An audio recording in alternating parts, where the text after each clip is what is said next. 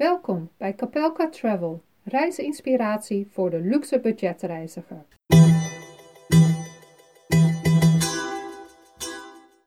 Vandaag wil ik het graag hebben over het reizen met de trein in China. Reizen met de trein in China is super gemakkelijk en super comfortabel en de vele supersnelle bullettreinen breng je voor een hele aantrekkelijke prijs in no time naar de volgende stad of zelfs eigenlijk naar de andere kant van het land.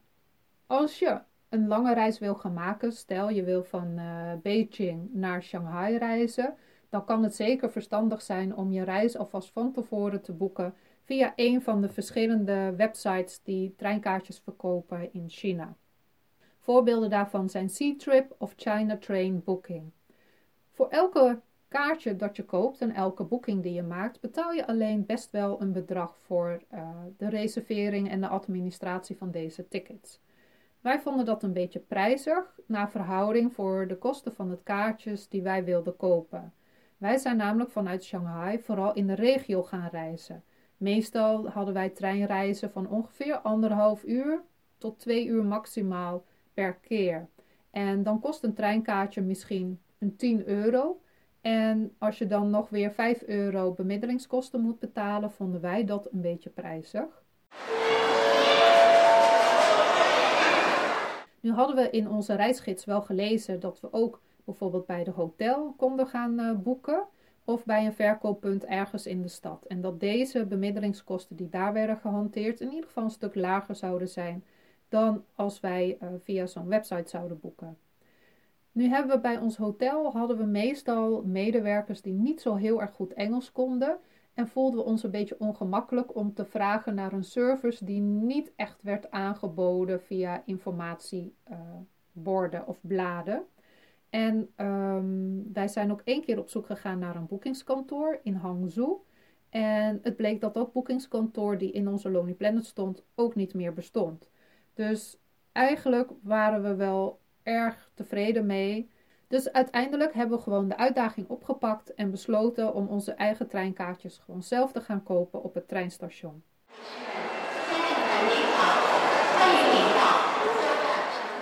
Op het treinstation kun je eigenlijk vrij gemakkelijk uiteindelijk een kaartje kopen. Maar we waren een beetje huiverig en voorzichtig, omdat we ook gewaarschuwd waren voor het feit dat je soms wel heel erg lang in een rij kon staan voordat je, in, voordat je een kaartje kan kopen.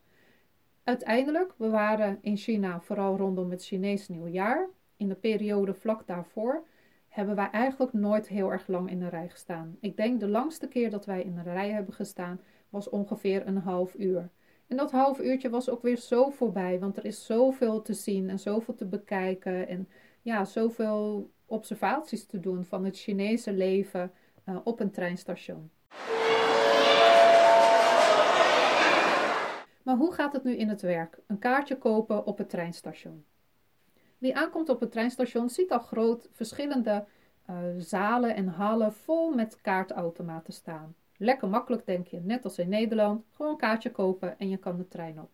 Helaas, dat is niet mogelijk in China. In China moet je namelijk uh, altijd je reis combineren met je identiteitskaart. En omdat je als buitenlander geen Chinese identiteitskaart hebt, kun je dus niet via een automaat je kaartjes kopen. Buitenlanders, toeristen, zullen dus dan ook altijd naar een gewoon loket moeten gaan. En deze fysieke loketten bevinden zich meestal dicht bij de ingang van het treinstation zelf. Er zijn mega veel loketten. Je bent ook zeker niet de enige die een kaartje gaat kopen.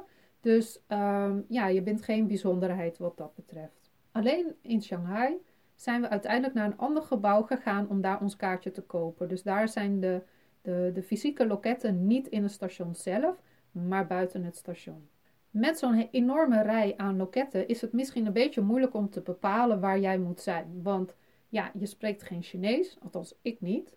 En um, je wil ook voorkomen dat je van het ene loket naar het andere wordt gestuurd of dat je heel veel moeite hebt om jezelf kenbaar te maken over wat voor kaart je wil kopen.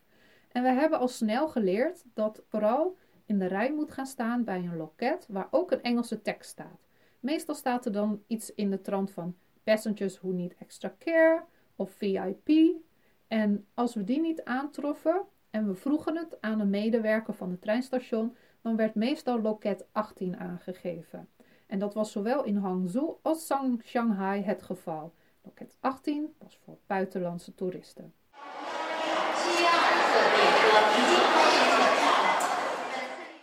Voordat we uh, naar het treinstation gingen om onze treinkaartjes te kopen, heb ik wel eerst even uh, gecheckt. Via China Train Booking uh, heb ik op hun app gekeken naar van oké, als we de trein van daar naar daar willen nemen, op die datum, welke treinen zijn er? Zijn er nog stoelen beschikbaar en hoeveel kosten die stoelen dan?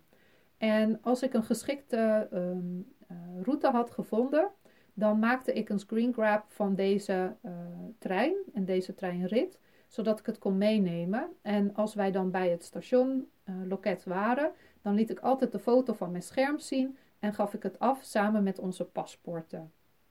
Je kan natuurlijk ook de gegevens op een stukje papier schrijven, maar let dan wel op dat je de datum opschrijft in getallen. Want we hebben al snel geleerd dat de Chinese medewerkers uiteraard wel getallen kunnen lezen, maar vaak wel nog steeds moeite hebben met de Romaanse letters.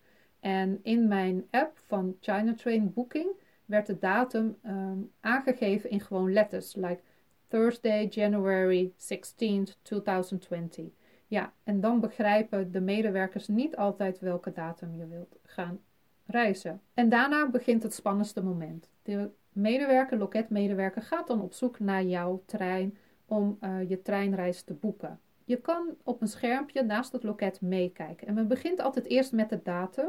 Daarna wordt het treinnummer ingevoerd. En dat is echt belangrijk. Als je het goede treinnummer hebt, gaat eigenlijk de rest ook goed. En dan komen de stations in beeld. En meestal zie je in je schermpje dan alleen de Chinese karakters. Het fijne is, is dat van de screen grab die ik altijd maakte, ik ook de naam van de stad in Chinese karakters te zien krijg. Dus op die manier kunnen wij ook checken of dat wat de medewerker invoert ook correct is. En als wij niet de juiste datum zien, dan roepen even iets hard, proberen we de aandacht te trekken en dan zeggen we heel langzaam uh, geen 16 bijvoorbeeld, maar 1, 6. En we wijzen weer terug naar de telefoon.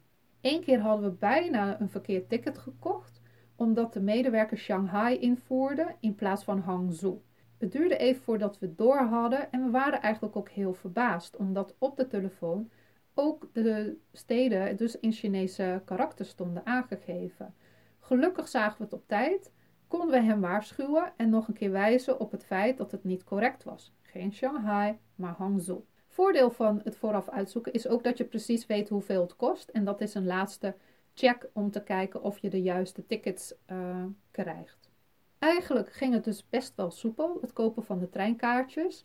En uh, ook moet ik zeggen dat de rijen keurig werden aangehouden uh, in de stationshal. Dus het is echt niet zo dat je moet wringen en pushen om bij een loket terecht te komen. Wel zul je natuurlijk af en toe merken dat mensen dicht bij je staan of via de zijkant toch nog deels proberen voor te kruipen. Maar dat is eigenlijk minimaal en zijn meestal mensen die op een last minute kaartje moeten rekenen of die een probleem hebben en moeten overleggen bij jouw loket. Nu heb je je treinkaartje gekocht. Maar hoe ziet dat eruit? Want je krijgt twee papiertjes. Je krijgt een witte soort kassastrook en een klein blauw kaartje. Nou, de kleine blauwe kaartje is de echte treinkaart. En de witte kassastrook is eigenlijk een betalingsbewijs, maar daar staat ook alle informatie op. Dus als je het blauwe kaartje kwijt bent, kun je misschien alsnog met de witte kassastrook reizen of in ieder geval weer een nieuw blauw kaartje krijgen. We hebben ze ook altijd gescheiden bewaard, just in case. Op het kleine blauwe kaartje staat alle informatie die je moet weten, deels in het Engels, deels in het Chinees. Dus je treft daar de steden in Engelse karakters aan. Je rechtsbovenin zie je het perronnummer staan. Het treinnummer staat tussen de twee steden in vermeld. De datum en de tijden staan erop. En onder het aankomststation zie je ook weer getallen staan. En dat zijn de wagon en het stoelnummer. En wil je zeker dat je het juiste kaartje hebt, dan zie je de eerste letters en cijfers van je paspoort met je voornaam of je achternaam.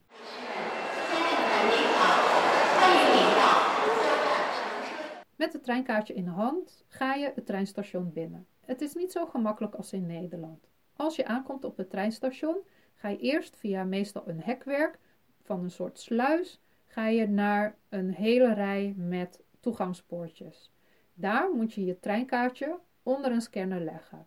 Maar helaas weer, dat geldt niet voor buitenlanders. Wij moeten via een bemand loket naar binnen. De medewerker checkt je treinkaartje en je paspoort en dan mag je door. En dan kom je in het station zelf. Voordat je in het station komt, wordt nog eerst je bagage gecontroleerd met een scanner en een andere medewerker gaat met een handscanner langs je lichaam.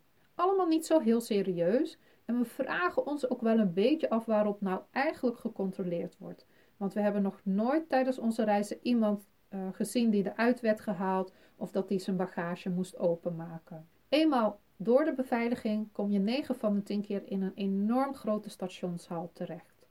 Het is bijna alsof je op een vliegveld bent. Zo druk en zo groot. En ook de stoeltjes staan precies op zo'n manier zoals je dat gewend bent op vliegvelden. Hier is ook vaak een ruimte en een mogelijkheid om nog eten te kopen of in een restaurantje wat te eten. Dan is het eigenlijk gewoon wachten totdat je mag instappen. Boven de kate wordt melding gemaakt van welke treinen als eerstvolgende gaan vertrekken. En vooral het treinnummer is daar weer leidend bij om te zien van of je inderdaad bij het juiste gate zit. In eerste instantie is de tekst van je trein is geel, maar ongeveer 15 minuten voor vertrek wordt die groen. En dat is het teken dat men begint met het toelaten van passagiers op het perron. Voor die tijd zul je al rijen zien staan voor de toegangspoortjes van mensen die graag alvast naar binnen willen.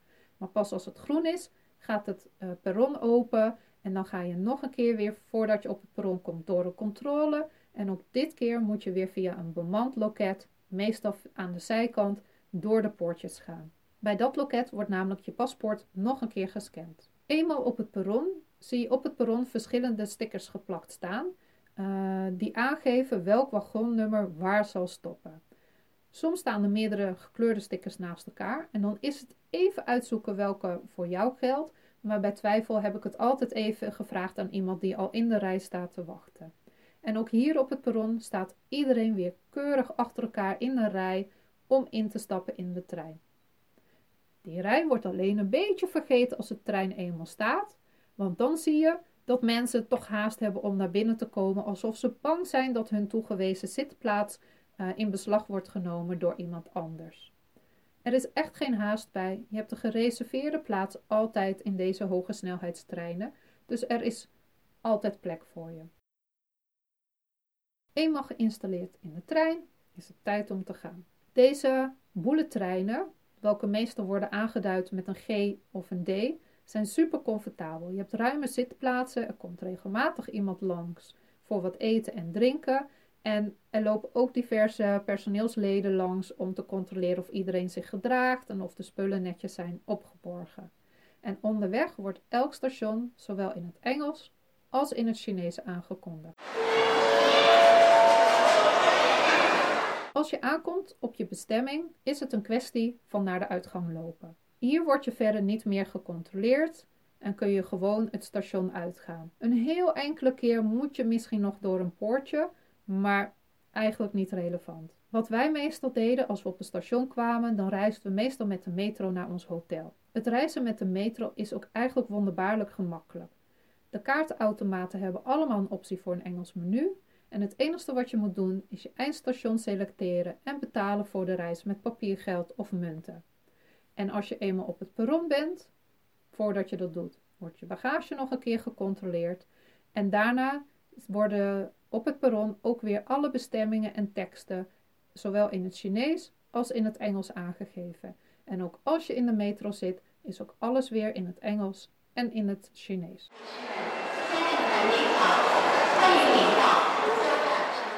Wij vonden het reizen met de trein door China echt perfect. En we zouden het ook iedereen willen aanraden. Ook hier krijg je weer een stukje van de lokale cultuur te zien. En met het kopen van je eigen kaartjes heb je ook nog een klein spannend mini-avontuur terwijl je op reis bent.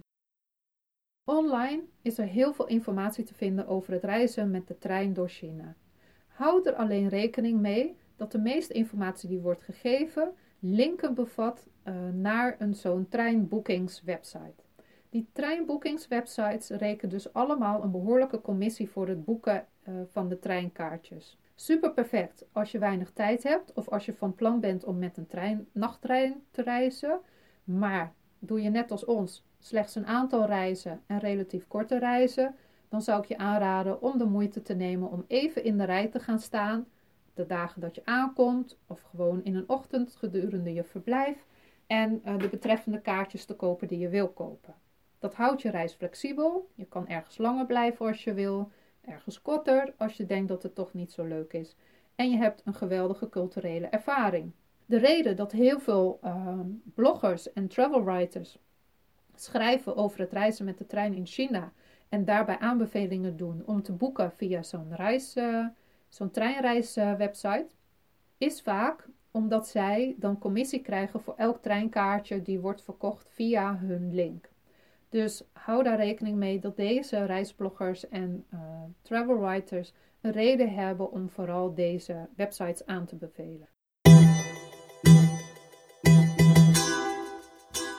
Dankjewel voor het luisteren naar deze podcast. Ik hoop dat ik je heb mogen motiveren om bij je volgende reis naar China zelf je treinkaartjes te gaan kopen en dat ik je gerust heb gesteld dat het reizen met de trein in China echt geen moeilijke zaak is.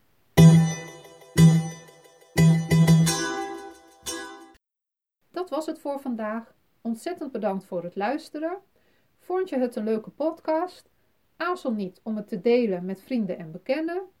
Liken als je het leuk vond en mij verder te volgen als je benieuwd bent naar andere verhalen van mijn reizen door onder andere China, maar ook vele andere andere landen in de wereld.